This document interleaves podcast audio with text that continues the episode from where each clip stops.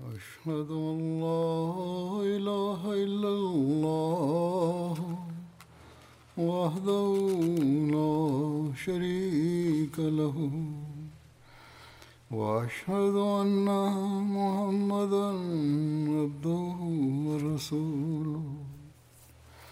أما بعد فأعوذ بالله من الشيطان الرجيم.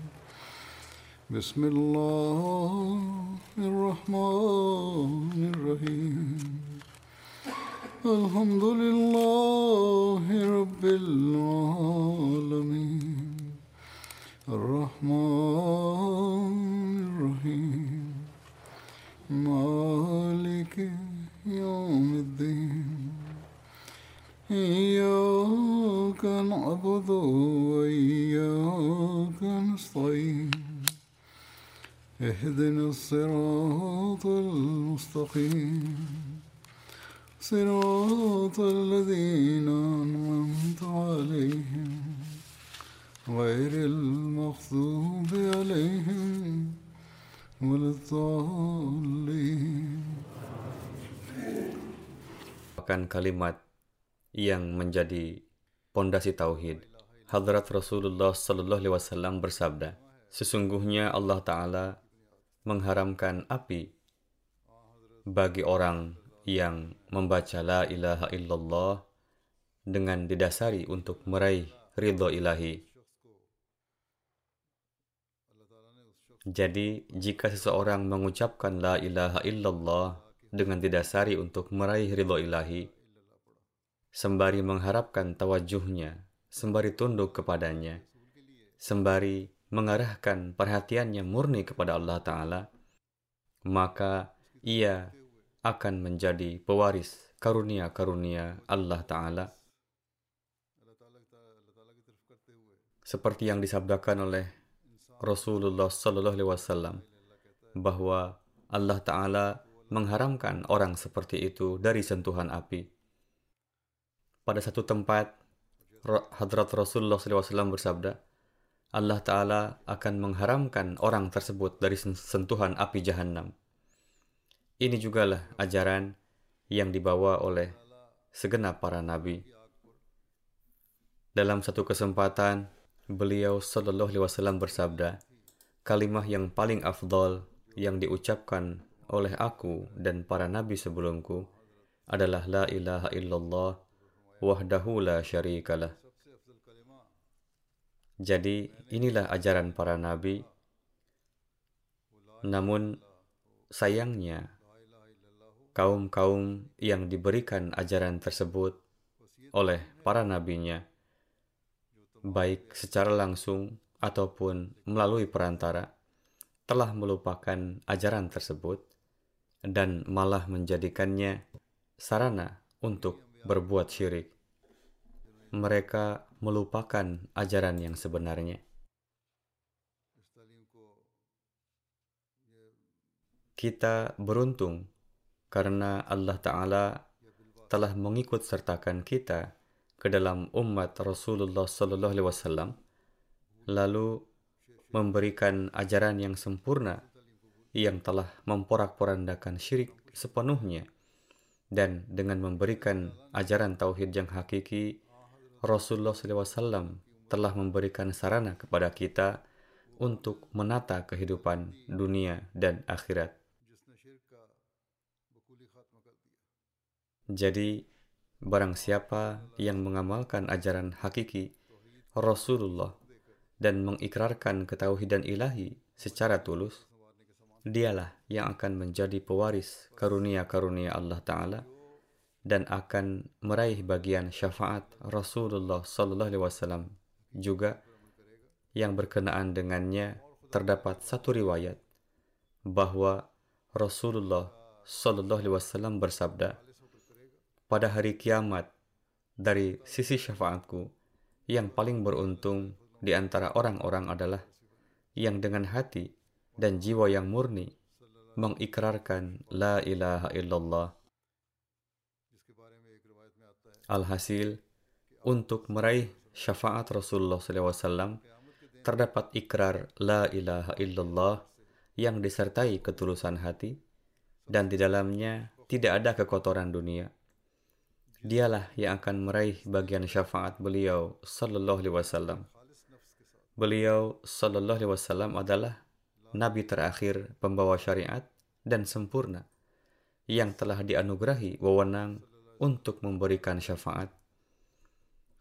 Beriman kepada beliau pun perlu selaras dengan hukum Allah Ta'ala dan berkenaan dengan makom beliau tersebut, beliau Shallallahu Alaihi Wasallam sendiri telah menyatakan bahwa manusia yang memberikan kesaksian La ilaha illallah Muhammadur Rasulullah dengan ketulusan hati, Allah Ta'ala akan mengharamkannya dari api.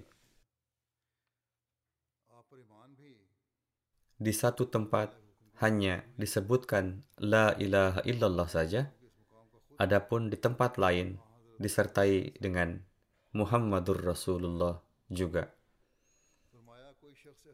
Jadi sekarang ikrar dan pernyataan tauhid tidaklah mungkin tanpa disertai ikrar bahwa hadrat Rasulullah sallallahu alaihi wasallam merupakan nabi Allah yang sempurna dan terakhir beliaulah yang telah mengumumkan bahwa beliau akan menghilangkan syirik seutuhnya di kalangan umat beliau.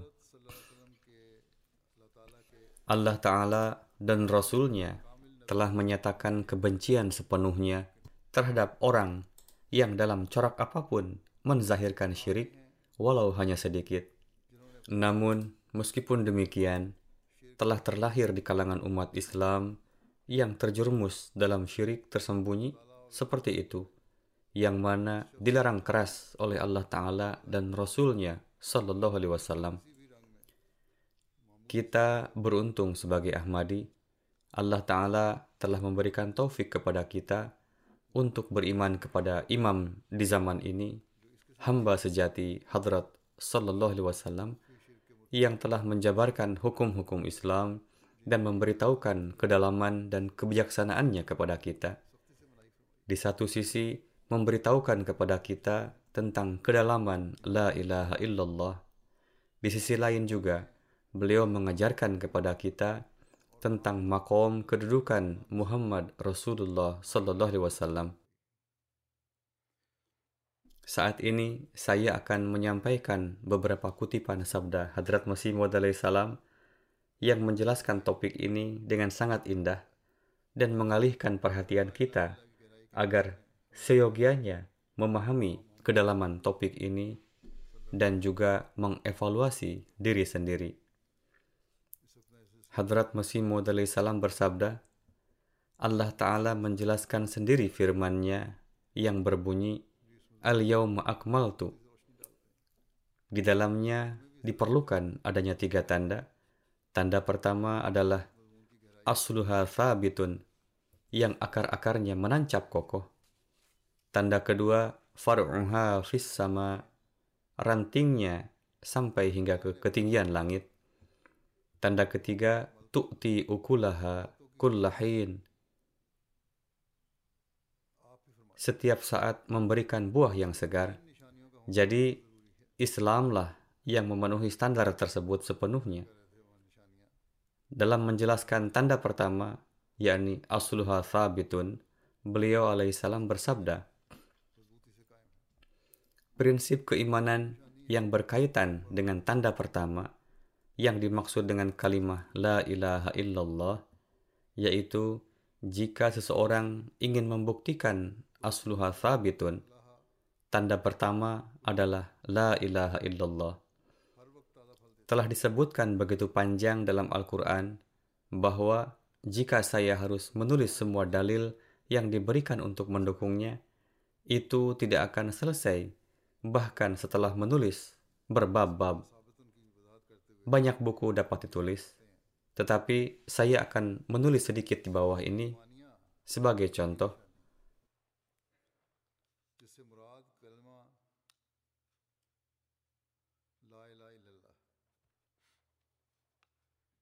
Allah Ta'ala berfirman pada juz kedua Al-Quran, surah kedua, yakni surah Al-Baqarah,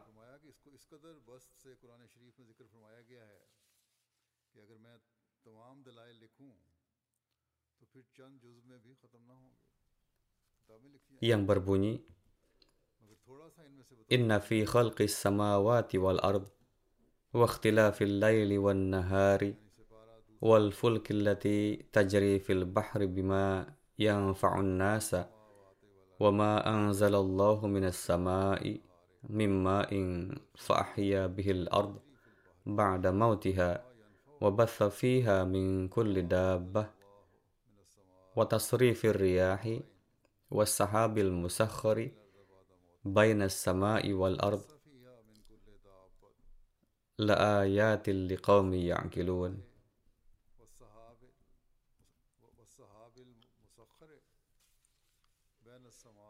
Sesungguhnya dalam penciptaan seluruh langit dan bumi, pertukaran malam dan siang, kapal-kapal yang berlayar di lautan dengan membawa apa yang bermanfaat bagi manusia, dan dalam apa yang Allah turunkan dari langit berupa air, lalu dengan itu dia menghidupkan bumi sesudah matinya, dan dia tebarkan di dalamnya segala macam binatang, dan dalam perkisaran angin serta awan yang diatur di antara langit dan bumi, sungguh terdapat tanda-tanda bagi kaum yang mempergunakan akal. Sekarang lihatlah bagaimana Allah Ta'ala, Tuhan yang Maha Mulia, telah berargumen dalam ayat ini yang mendukung prinsip imannya dari hukum alamnya. Ia telah membuktikan kebenaran la ilaha illallah dan memberikan bukti dari hukum alam. Dengan kata lain, dari ciptaannya yang dapat ditemukan di langit dan bumi dengan melihat yang sesuai dengan maksud dari ayat yang mulia ini, menjadi bukti yang sangat jelas bahwa tanpa keraguan ada wujud pencipta yang kekal dari dunia ini, yang sempurna, esa, tidak memiliki pasangan, dan mengatur semua yang ada berdasarkan kehendaknya, dan esa yang mengutus rasul-rasulnya ke dunia. Alasan untuk ini adalah bahwa semua ciptaan Tuhan yang Maha Esa ini dan sistem alam semesta yang kita lihat di depan mata kita dengan jelas memberitahu kita bahwa dunia ini tidak muncul dengan sendirinya, tetapi ia memiliki pencipta, pencipta yang harus memiliki sifat-sifat bahwa dia harus pemurah dan penyayang dan maha kuasa dan esa tanpa sekutu dan kekal abadi dan mengatur berdasarkan kehendaknya dan juga pemilik semua sifat yang sempurna dan juga yang menurunkan wahyunya.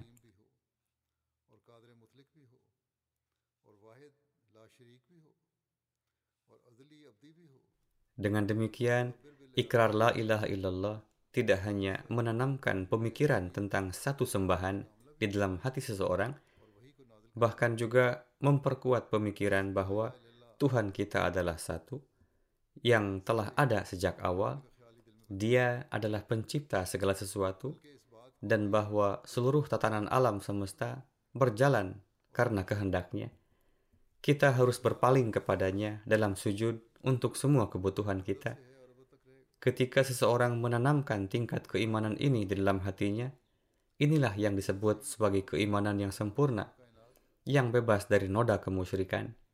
Inilah tingkat keimanan yang disabdakan oleh Nabi suci Shallallahu Alaihi Wasallam bahwa jika seseorang beriman pada pernyataan la ilaha illallah dengan penuh keikhlasan, maka api neraka akan diharamkan bagi orang tersebut. Hadrat Musim Modali salam selanjutnya bersabda, berkenaan dengan memohon pertolongan, harus diingat bahwa pada kenyataannya hanya Allah Ta'ala yang berhak dimintai bantuan. Jika ada yang meminta bantuan, atau jika ada yang memberikan bantuan, hanya Allah yang Maha Kuasa yang berhak. Allah yang Maha Kuasa adalah satu-satunya wujud sempurna yang darinya pertolongan harus dicari. Tidak ada orang lain yang memiliki hak dan kekuatan. Inilah yang ditekankan oleh Al-Quran. Oleh karena itu, Allah Ta'ala berfirman, Iyaka na'budu wa iyaka nasta'in. Hanya kepadamu kami menyembah dan hanya kepada engkau kami memohon pertolongan. Pertama, Tuhan yang Maha Kuasa menyatakan sifat-sifatnya, Tuhan pencipta, pemurah, penyayang, dan raja pada hari pembalasan.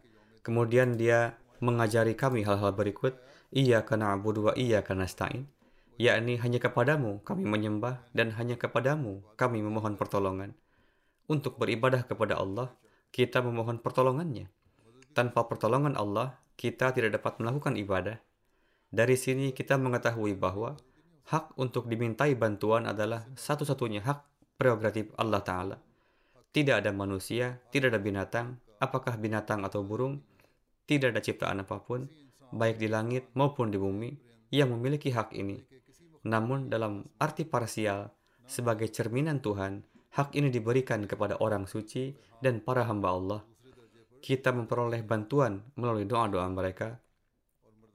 Kita tidak boleh mengada-adakan sesuatu atas kemauan kita sendiri, melainkan kita harus tetap berada dalam batas-batas perintah Allah dan Rasulnya Sallallahu Alaihi Wasallam. Ini adalah jalan yang benar, yakni siratal mustaqim. Poin ini juga dapat difahami dengan baik dari kalimat La ilaha illallah Muhammadur Rasulullah. Tidak ada yang berhak disembah kecuali Allah dan Muhammad adalah utusan Allah.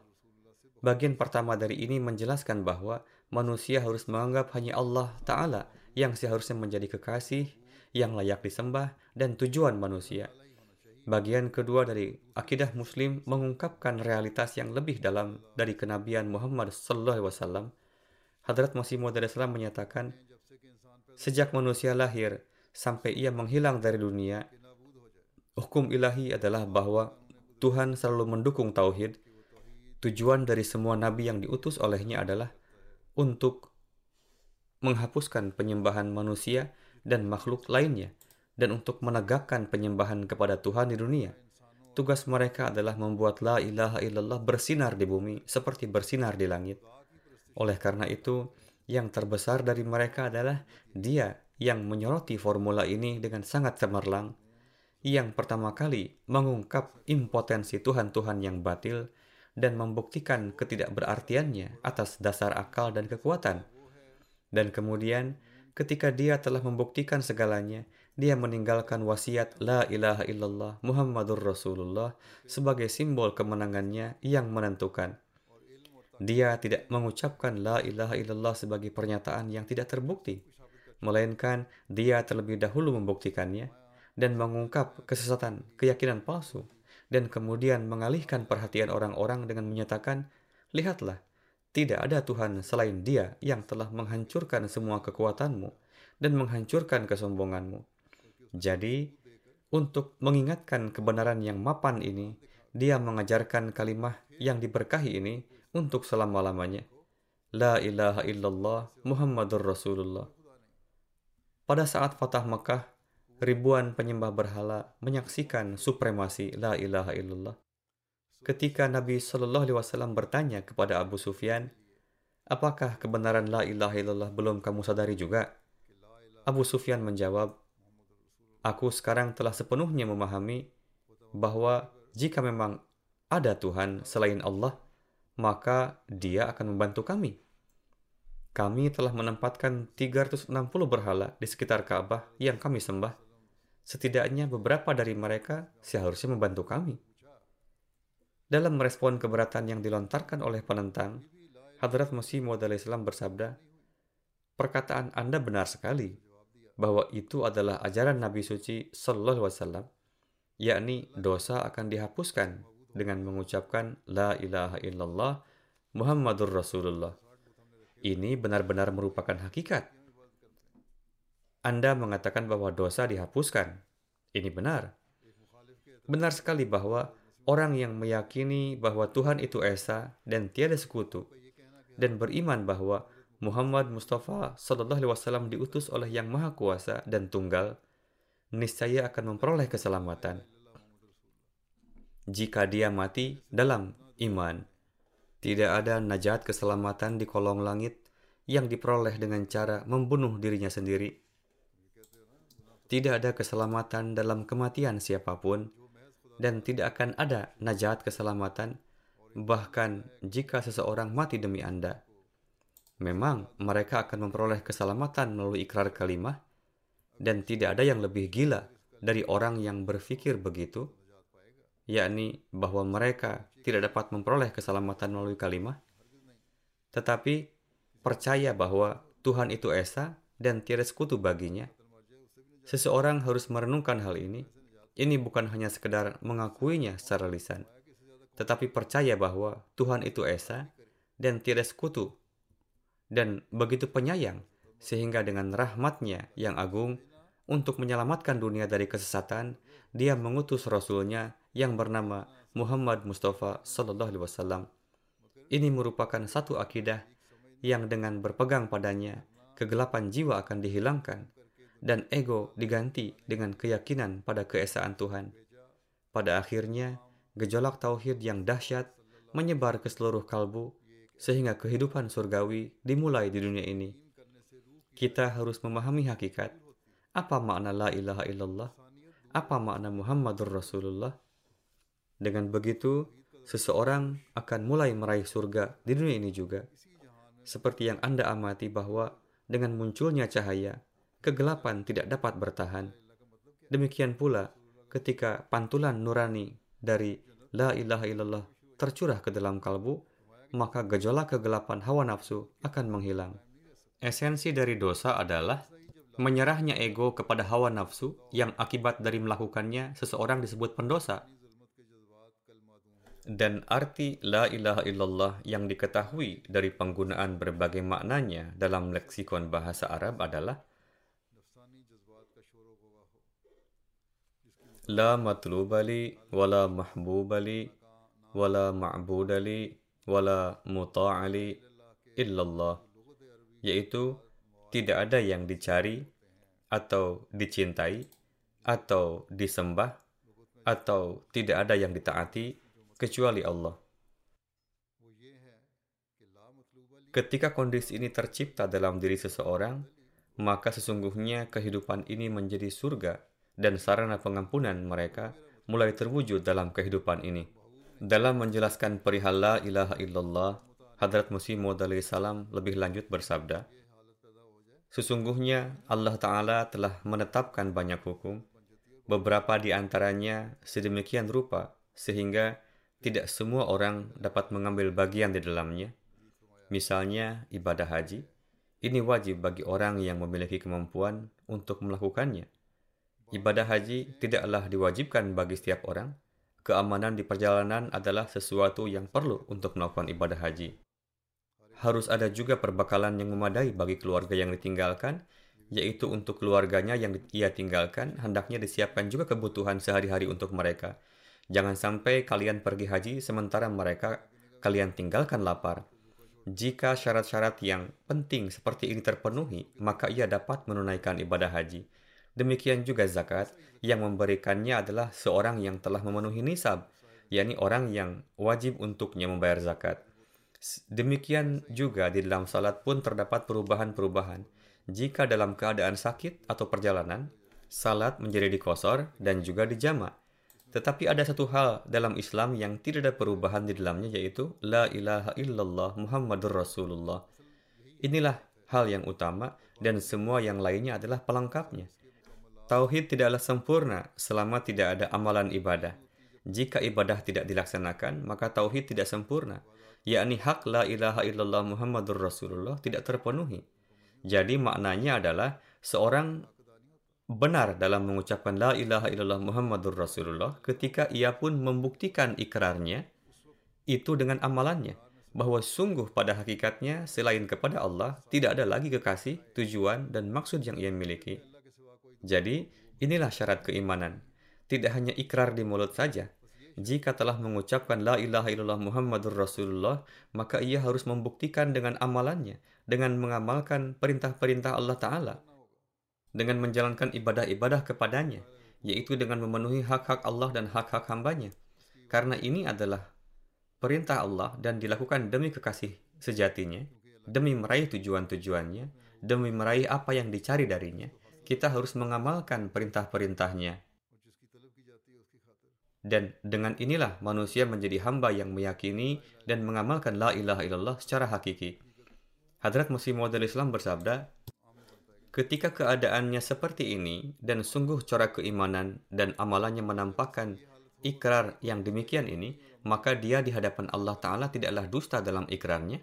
Jika ini terjadi, ini adalah sangat baik, dan ia bukanlah pendusta. Segenap hal-hal duniawi telah terbakar dan telah lahir suatu kefanaan di dalam keimanannya, yakni dengan mengatakan la ilaha illallah, maka seluruh perkara-perkara duniawi menjadi terbakar dan hanya Allah lah yang dicari, dicintai dan menjadi tujuannya. Demikianlah keadaan keimanan yang timbul. Saat itu, ketika manusia mengucapkan la ilaha illallah dan ia mengucapkan Muhammadur Rasulullah yang merupakan bagian setelahnya, ini adalah sebagai contoh karena dengan adanya contoh ini, maka segala sesuatu menjadi mudah. Para nabi alaihissalam datang untuk menjadi contoh teladan, dan hadrat Rasulullah SAW adalah himpunan dari teladan seluruh kesempurnaan. Karena di dalam beliaulah terhimpun keteladanan seluruh nabi. Rasulullah SAW lah yang memahami makna hakiki dari la ilaha illallah. Rasulullah lah yang telah mengamalkan perintah-perintah Allah Ta'ala secara benar, menerangkannya, dan menafsirkannya. Contoh beliau SAW lah yang memberi kesempurnaan kepada la ilaha illallah, yakni melalui amalan-amalan beliau. Kemudian dalam memberikan nasihat kepada kita, Hadrat Masih Maud salam bersabda, Bayat secara lahir semata tidaklah memberikan manfaat. Bayat seperti ini adalah sulit untuk mendapatkan bagian pahalanya. Ia akan mendapatkan ganjaran tatkala ia meninggalkan keakuan dirinya dan senantiasa menyertai wujud itu dalam kecintaan dan keikhlasan yakni kepada siapa ia telah berbaiat, ia ada bersamanya dengan segenap kecintaan dan ketulusan. Dan dengan inilah maka baiatnya akan memberi faedah. Beliau alaihissalam bersabda, orang-orang munafik karena tidak memiliki hubungan yang hakiki dengan Rasulullah, pada akhirnya mereka berada dalam keadaan tidak beriman. Mereka sebelumnya hanya berbaiat secara lahiriah. Di dalam diri mereka tidak lahir kecintaan dan ketulusan yang hakiki. Jadi mengucapkan la ilaha illallah tidaklah memberi manfaat kepada mereka Beliau al-Islam bersabda, maka dari itu sangatlah penting untuk meningkatkan hubungan tersebut. Jika hubungan yang diminta itu tidak ditingkatkan dan tidak berupaya meningkatkannya, maka keberatan dan penyesalannya kelak tidak akan berfaedah. Hubungan kecintaan dan keikhlasan hendaknya ditingkatkan. Ia sedapat mungkin harus selaras dengan wujud mursyid itu, baik dalam peri kehidupan dan keyakinan. Beliau al-Islam bersabda, nafsu memberi janji-janji akan usia yang panjang, yakni manusia terus berpikir bahwa dirinya masih muda dan memiliki usia yang panjang, ini adalah tipuan. Usia tidaklah dapat dipercaya. Hendaknya ia segera condong kepada ibadah dan kesalehan. Dan hendaknya ia menilai dirinya dari pagi hingga malam, yakni apa saja yang telah ia lakukan dan sejauh mana ia telah mengamalkan la ilaha illallah. Ini adalah nasihat yang beliau sampaikan kepada kita. Kemudian di tempat lain, dalam memberi penekanan untuk memahami dan memenuhi hak dari la ilaha illallah, beliau al-Islam bersabda, yang aku maksudkan di sini bukanlah berarti supaya kaum muslim menjadi malas, yaitu membaca la ilaha illallah lalu ia menjadi malas. Islam tidaklah menjadikan siapa pun malas. Mereka diperkenankan juga untuk sibuk dalam jual beli dan pekerjaannya. Tetapi aku ti tidak menyukai jika mereka sama sekali tidak memiliki waktu luang untuk Tuhan yakni mereka mengatakan la ilaha illallah tetapi tatkala harus memenuhi hak-hak Allah, mereka tidak mempunyai waktu dan sibuk dalam urusan dunia. Ya, silahkan melakukan jual beli saat waktunya, namun perhatikan juga rasa takut kepada wujud Allah Ta'ala supaya jual beli yang dilakukan pun menjadi corak ibadah. Janganlah meninggalkan salat ketika waktunya tiba. Utamakanlah agama dalam setiap perkara kekalian. Mengutamakan agama adalah penting kita pun berjanji dalam janji bayat kita bahwa kita akan mengutamakan agama dibanding urusan dunia. Hadrat Masih Maud Islam bersabda, janganlah menjadikan dunia sebagai tujuan yang utama. Tujuan yang sebenarnya adalah agama. Maka pekerjaan-pekerjaan dunia pun menjadi pekerjaan agama. Lihatlah para sahabat yang mulia. Mereka sedikit pun tidak meninggalkan Tuhan meski berada di waktu yang tersulit sekalipun. Waktu bertempur dan kilatan pedang sangatlah berbahaya dan dengan membayangkannya pun manusia menjadi bergetar. Di waktu penuh gejolak dan amarah seperti itu pun, mereka tidaklah lalai terhadap Tuhan. Mereka tidak meninggalkan salat. Mereka harus eh, mereka terus memanjatkan doa-doa.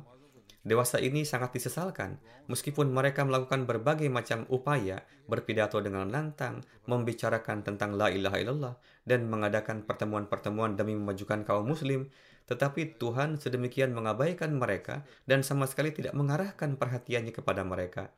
Maka dalam keadaan ini, apakah dapat diharapkan bahwa upaya-upaya mereka dapat membuahkan hasil, yaitu semua itu mereka lakukan untuk dunia? Mereka tengah melakukan usaha-usaha untuk dunia, kendati pun mereka menyebut diri mereka sebagai muslim dan menggunakan ungkapan agama Allah. Beliau al-Islam bersabda, ingatlah, seorang tidak akan meraih kemajuan selama la ilaha illallah belum tertanam di dalam hati dan segenap zarah di dalam tubuh belum diterangi oleh cahaya dan keunggulan Islam. Jika ingin maju, maka hendaknya memahami makna dari la ilaha illallah, yaitu menjadikan Allah Ta'ala bukan dunia sebagai tujuan yang utama. Kemudian dalam menerangkan hakikat dan makna kalimat syahadat dan seperti apa hendaknya kita memahami dan mengamalkannya, Hadrat Masih Maud Islam bersabda, Aku berulang kali telah menzahirkan bahwa hendaknya kalian tidak puas dengan hanya sekadar disebut muslim dan mempercayai la ilaha illallah. Siapa saja yang membaca Al-Quran, mereka sungguh mengetahui bahwa Allah Ta'ala sama sekali tidak ridho hanya dengan ucapan dan ungkapan di mulut saja dan tidaklah perkataan-perkataan semata dapat melahirkan suatu keistimewaan di dalam diri manusia selama ia belum benar dalam amalannya. Hal-hal bercorak ucapan tidaklah berarti apa-apa dibandingkan dengan amalan. Selama amalan seseorang belum benar, ia tidak akan menjadi apa-apa. Umat Yahudi pun pernah mengalami suatu masa tatkala mereka hanya pandai bicara dan mereka puas hanya dengan perkara-perkara di mulut saja. Banyak yang mereka katakan, tetapi kalbu mereka penuh dengan berbagai pikiran kotor dan hal-hal beracun. Inilah alasannya mengapa Allah Ta'ala menurunkan bermacam-macam azab di kaum ini dan memasukkan mereka dalam berbagai macam musibah serta menghinakannya hingga menjadikan mereka bagaikan babi dan kera. Beliau alaihissalam bersabda, Kini renungkanlah, apakah mereka saat itu tidak meyakini Taurat? Mereka pasti meyakininya dan juga beriman kepada para nabi, tetapi Allah Ta'ala tidak menyukai orang-orang yang beriman dengan ucapan saja dan kalbu mereka tidak selaras dengan mulut mereka. Mereka mengucapkannya, tetapi kalbunya tidak mengamalkan apa yang diucapkan oleh mulutnya. Hendaknya diingat dengan seksama, jika ada seseorang yang mengatakan bahwa aku meyakini Tuhan itu Maha Esa, dan tidak ada sekutu baginya, dan aku meyakini kenabian Rasulullah SAW, dan aku pun mengimani perkara-perkara keimanan lainnya, tetapi ikrarnya ini hanya sebatas ucapan dan kalbunya kosong dari ma'rifat, maka ini hanya akan menjadi perkara-perkara ucapan belaka. Tidaklah cukup mengucapkan di mulut saja selama belum bangkit suara dari dalam kalbu. Manusia tidak akan meraih keselamatan selama kalbunya belum beriman. Dan keimanannya adalah tatkala mereka menzahirkan perkara-perkara itu dalam amalan-amalan mereka. Selama belum melakukannya, ia belum dapat dikatakan demikian. Apakah maksud mengamalkan itu? Yakni mengamalkan perintah-perintah Allah Ta'ala yang telah dijelaskan secara rinci di dalam Al-Quran Karim. Beliau al-Islam bersabda, Aku berkata dengan sebenar-benarnya bahwa tujuan sebenarnya akan diraih tatkala seseorang meninggalkan segala sesuatunya dan beralih menuju Allah Ta'ala. Dan ia secara hakiki mendahulukan agama dari dunia. Janji semata tidaklah memadai selama ia secara amalan belum mendahulukan agama dari dunia. Beliau alaihissalam bersabda, ingatlah, manusia dapat menipu ciptaan Tuhan, yaitu ketika orang-orang melihat bahwa ia melaksanakan salat lima waktu atau melakukan kebaikan lainnya. Orang-orang dapat tertipu dengan ini. Orang-orang yang melihatnya datang ke masjid untuk salat dan salat nafal, dapat mengatakan bahwa ia dawam salat lima waktu di masjid. Lalu, jika ada yang melakukan kebaikan lain seperti membayar canda, orang-orang lantas berkata bahwa betapa salehnya ia. Orang-orang dapat terkecoh dengannya, tetapi Allah Ta'ala tidak akan termakan tipuan. Oleh karena itu, hendaknya ada ketulusan hakiki di dalam setiap amalan. Hendaknya ada juga keikhlasan di dalam amalan-amalan yang dijalankan, yaitu keikhlasan yang semata-mata demi Allah Ta'ala. Inilah suatu hal yang melahirkan kemampuan dan keunggulan dalam amalan-amalan.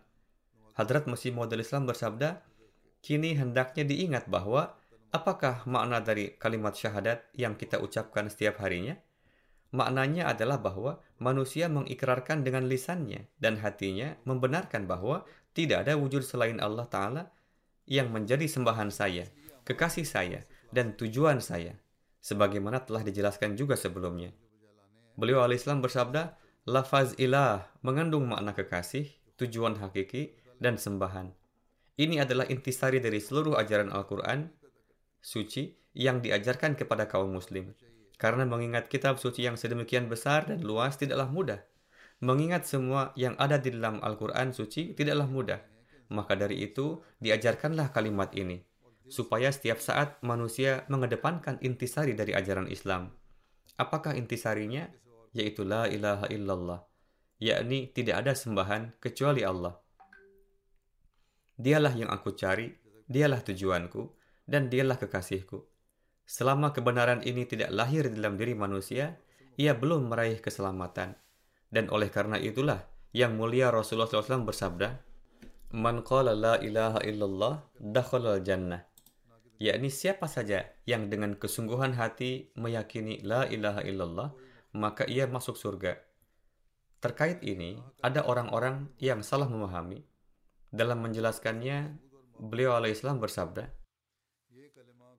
Jika ada yang memahami bahwa dengan menggerakkan lidahnya semata, maka manusia masuk ke dalam surga. Jika hanya inilah hakikat yang ada di dalamnya, maka seluruh amalan menjadi sia-sia dan tidak berguna. Jika manusia masuk surga hanya dengan mengatakan La ilaha illallah, maka seluruh amalan akan menjadi musnah. Apalagi perlunya perintah-perintah yang banyak yang terdapat di dalam Al-Quran Karim. Syariat pun, na'udzubillah, menjadi sia-sia. Tidak. Hakikat yang terkandung di dalamnya adalah hendaknya hadir corak-corak amalan di dalam kalbu manusia. Tatkala terlahir keadaan ini, maka manusia seperti ini pada hakikatnya masuk ke dalam surga. Tatkala manusia memahami hakikat ini, yakni kandungan la ilaha illallah ini, maka ia masuk ke dalam surga. Tidak hanya setelah kewafatan, tetapi di kehidupan ini pun ia berada di dalam surga.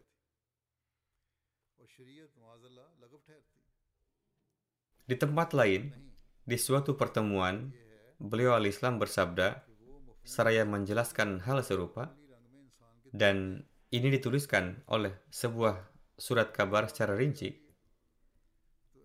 Allah ta Allah Ta'ala tidak memiliki keterkaitan dengan hanya kata-kata, tetapi dia memiliki hubungan dengan kalbu. Maksudnya adalah, siapa saja yang secara sebenar-benarnya memasukkan kandungan kalimat syahadat ini ke dalam hati dan menanamkan keagungan dan segenap keistimewaan Allah Ta'ala di dalam hatinya, maka ia masuk ke dalam surga. Tatkala ada manusia yang secara sungguh-sungguh meyakini kalimat syahadat, maka tidak ada lagi kekasih lain baginya selain Tuhan. Jika seorang mengucapkan kalimat syahadat secara hakiki, maka tidak mungkin ada lagi yang ia cintai selain Allah Ta'ala. Tidak ada lagi sembahan lain yaitu tidak ada lagi sosok lain yang ia sembah secara tersembunyi, dan selain Tuhan tidak ada lagi hal lain yang ia cari, yakni tidak ada lagi hal lain yang ia cari. Ia hanya mencari keridaan Allah Ta'ala. Derajat yang disebut dengan abdal, kutub, dan ghaus tidak lain bermakna meyakini kalimat la ilaha illallah dengan sepenuh hati dan mengamalkan maknanya yang sebenarnya. Masih dalam rangkaian tema ini, beliau alaihissalam selanjutnya bersabda, ini adalah benar dan mudah difahami bahwa ketika seseorang tidak memiliki kekasih dan tujuan lain selain Allah Ta'ala, maka tidak ada suatu kesedihan dan penderitaan pun yang dapat menyakitinya. Jika seseorang memahami bahwa penderitaan-penderitaannya juga semata-mata demi Allah Ta'ala, maka hal itu tidak dapat menyakitinya. Dia tidak terganggu oleh penderitaan-penderitaan tersebut dia mengetahui bahwa Allah Ta'ala akan segera datang untuk membantu walinya. Dan terkadang, bahkan sering kali menganugerahkan kepadanya ketentraman hati.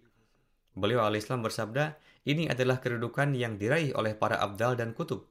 Jika tujuannya adalah untuk meraih zat Allah Ta'ala dan bukan hal-hal duniawi,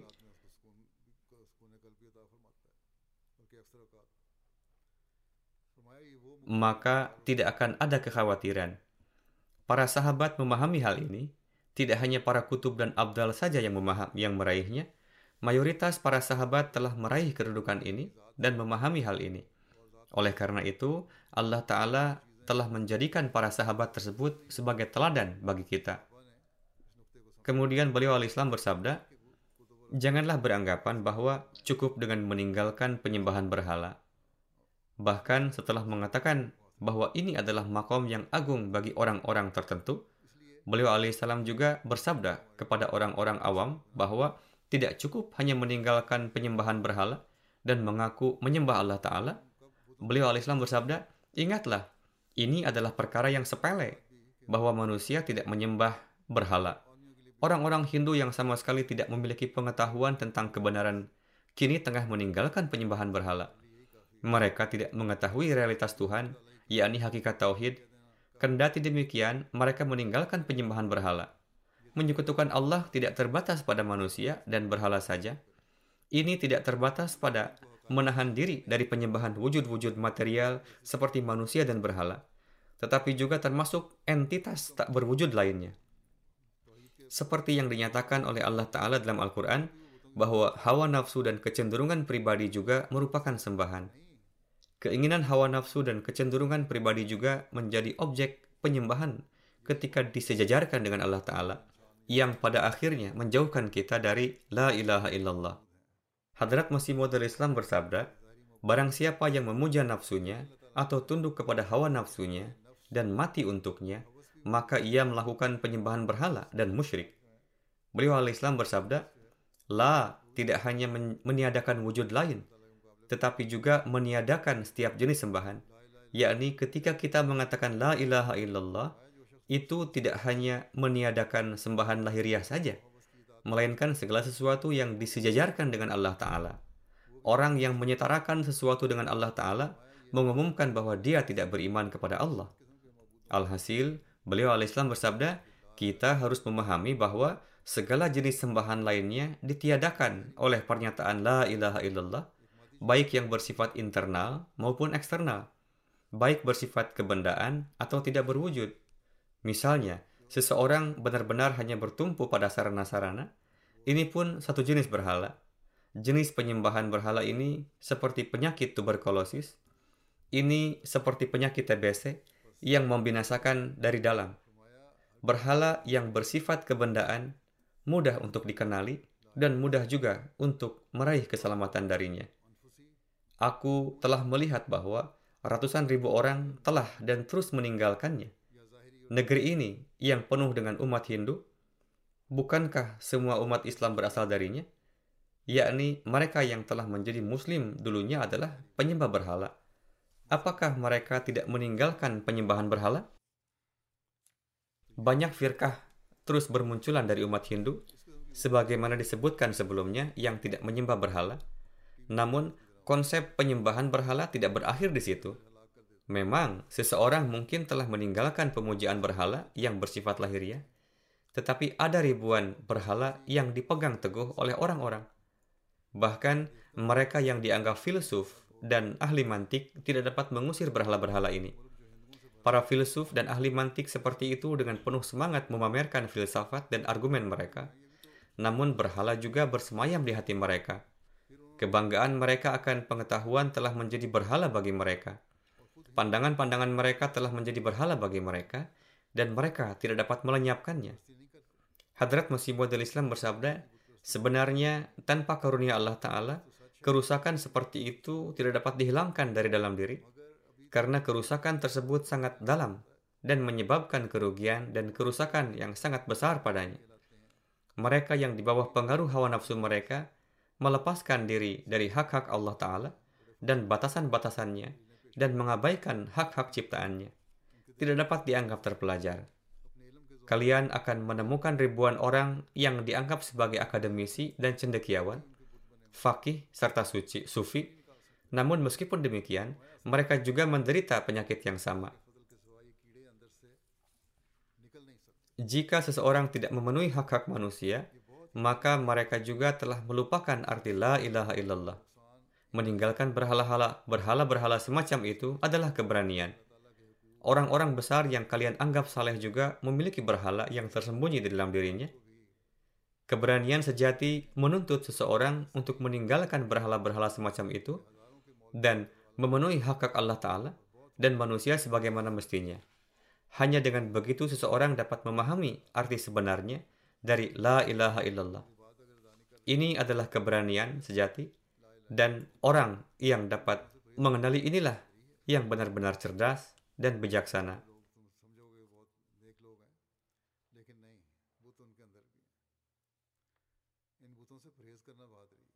Hadrat Masih Maud salam bersabda, Berhala-berhala ini adalah akar penyebab permusuhan satu sama lain, yang kemudian mengakibatkan konflik dan pertumpahan darah. Seseorang merebut hak saudaranya, memberi jalan kepada ribuan kejahatan, Kejadian seperti itu terjadi setiap hari dan setiap saat. Sarana kebendaan sangat diandalkan sehingga Allah Ta'ala dianggap sebagai anggota tubuh yang tidak berguna.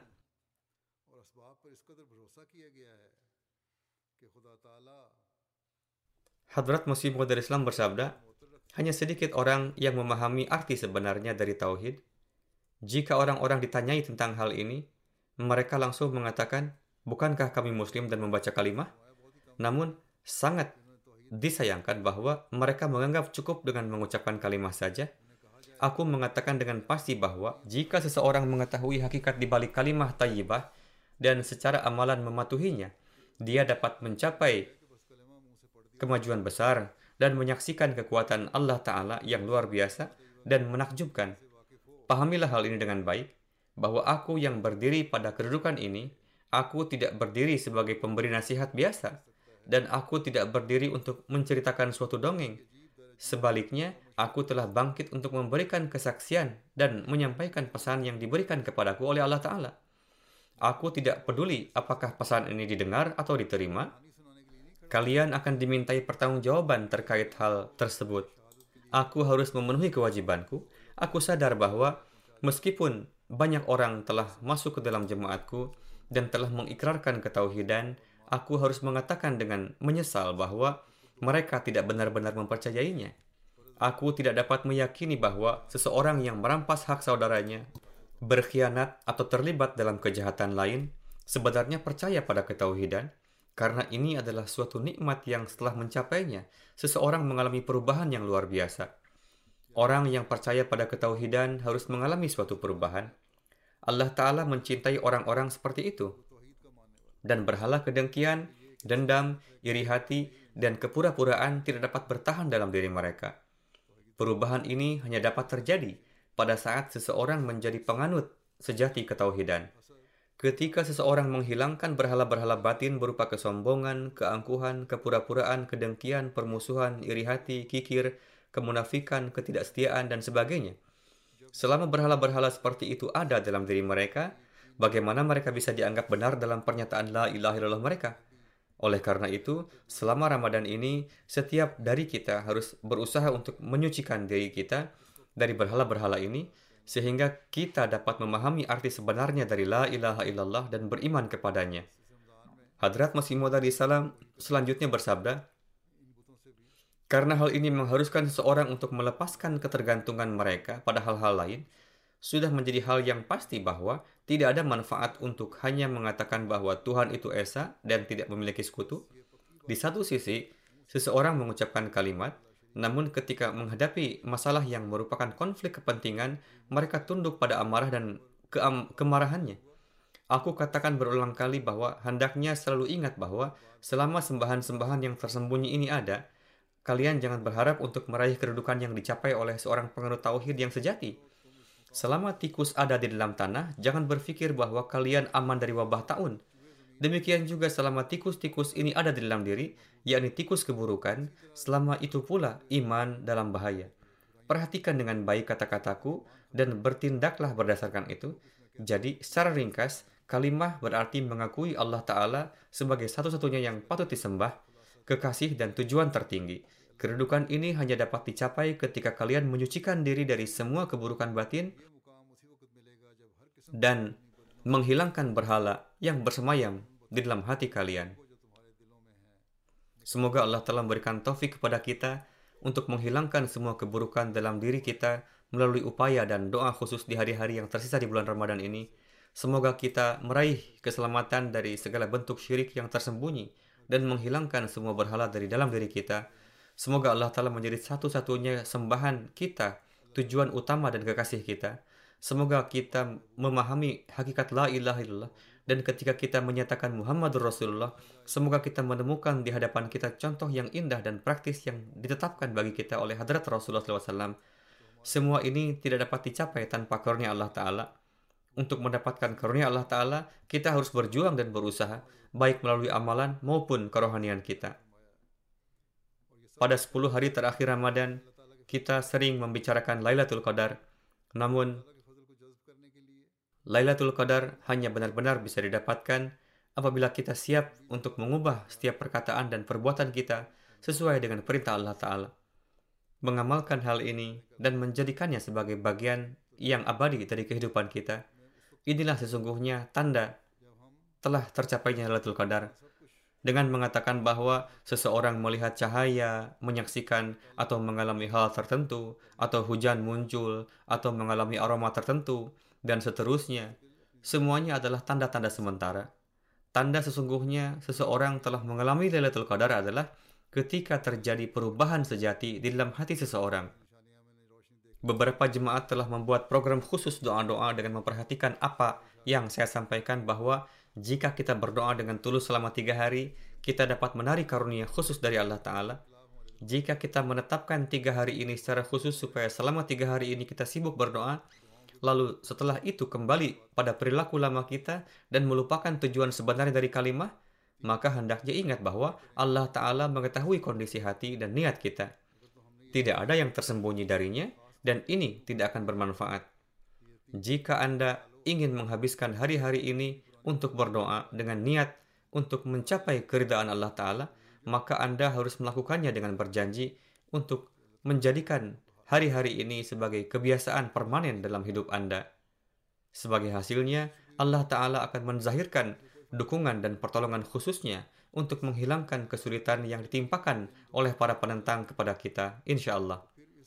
Dan sesuai dengan janjinya, ketika kita berbakti sepenuhnya kepada Allah Ta'ala, maka dia akan menjadi pelindung kita.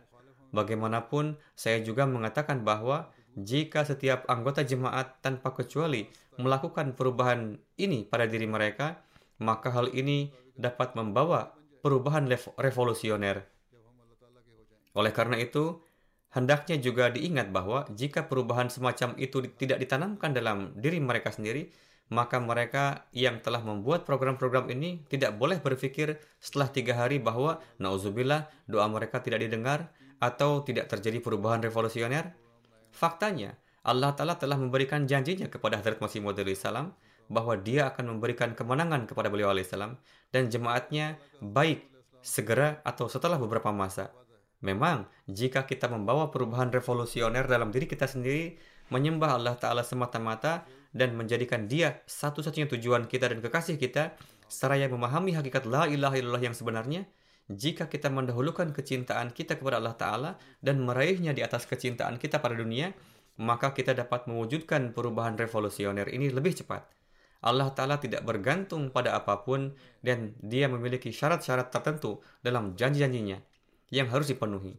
Jadi, kita hendaknya berjanji untuk menanamkan perubahan abadi dalam diri kita sendiri.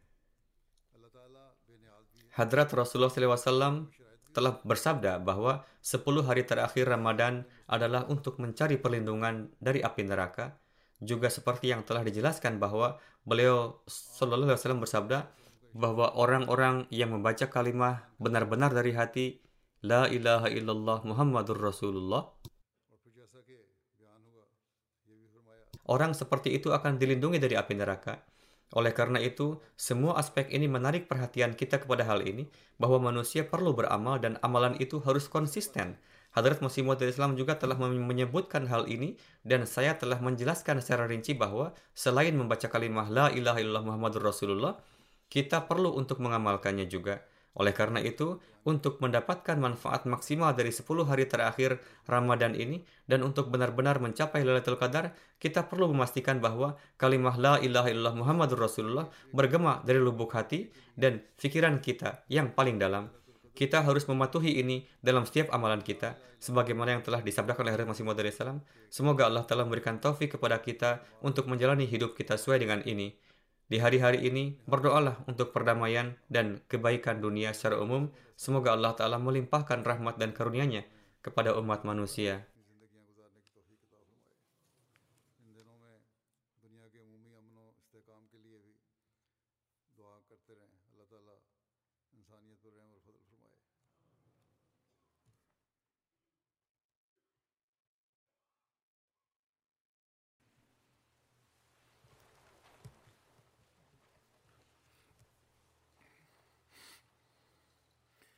الحمد لله الحمد لله نحمده ونستعينه ونستغفره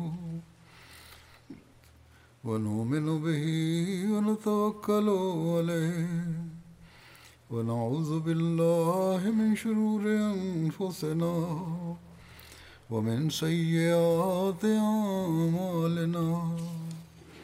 من يهده الله فلا مضل له ومن يضلل فلا هادي له. ونشهد أن لا إله إلا الله. ونشهد أن محمدا عبده ورسوله. عباد الله رحمكم الله. إن الله يأمر بالعدل واللسان وإيتاء ذي القربى وينهى عن الفحشاء والمنكر والبغي يعظكم لعلكم تذكرون. اذكروا الله يذكركم وادعوه يستجب لكم ولذكر الله أكبر.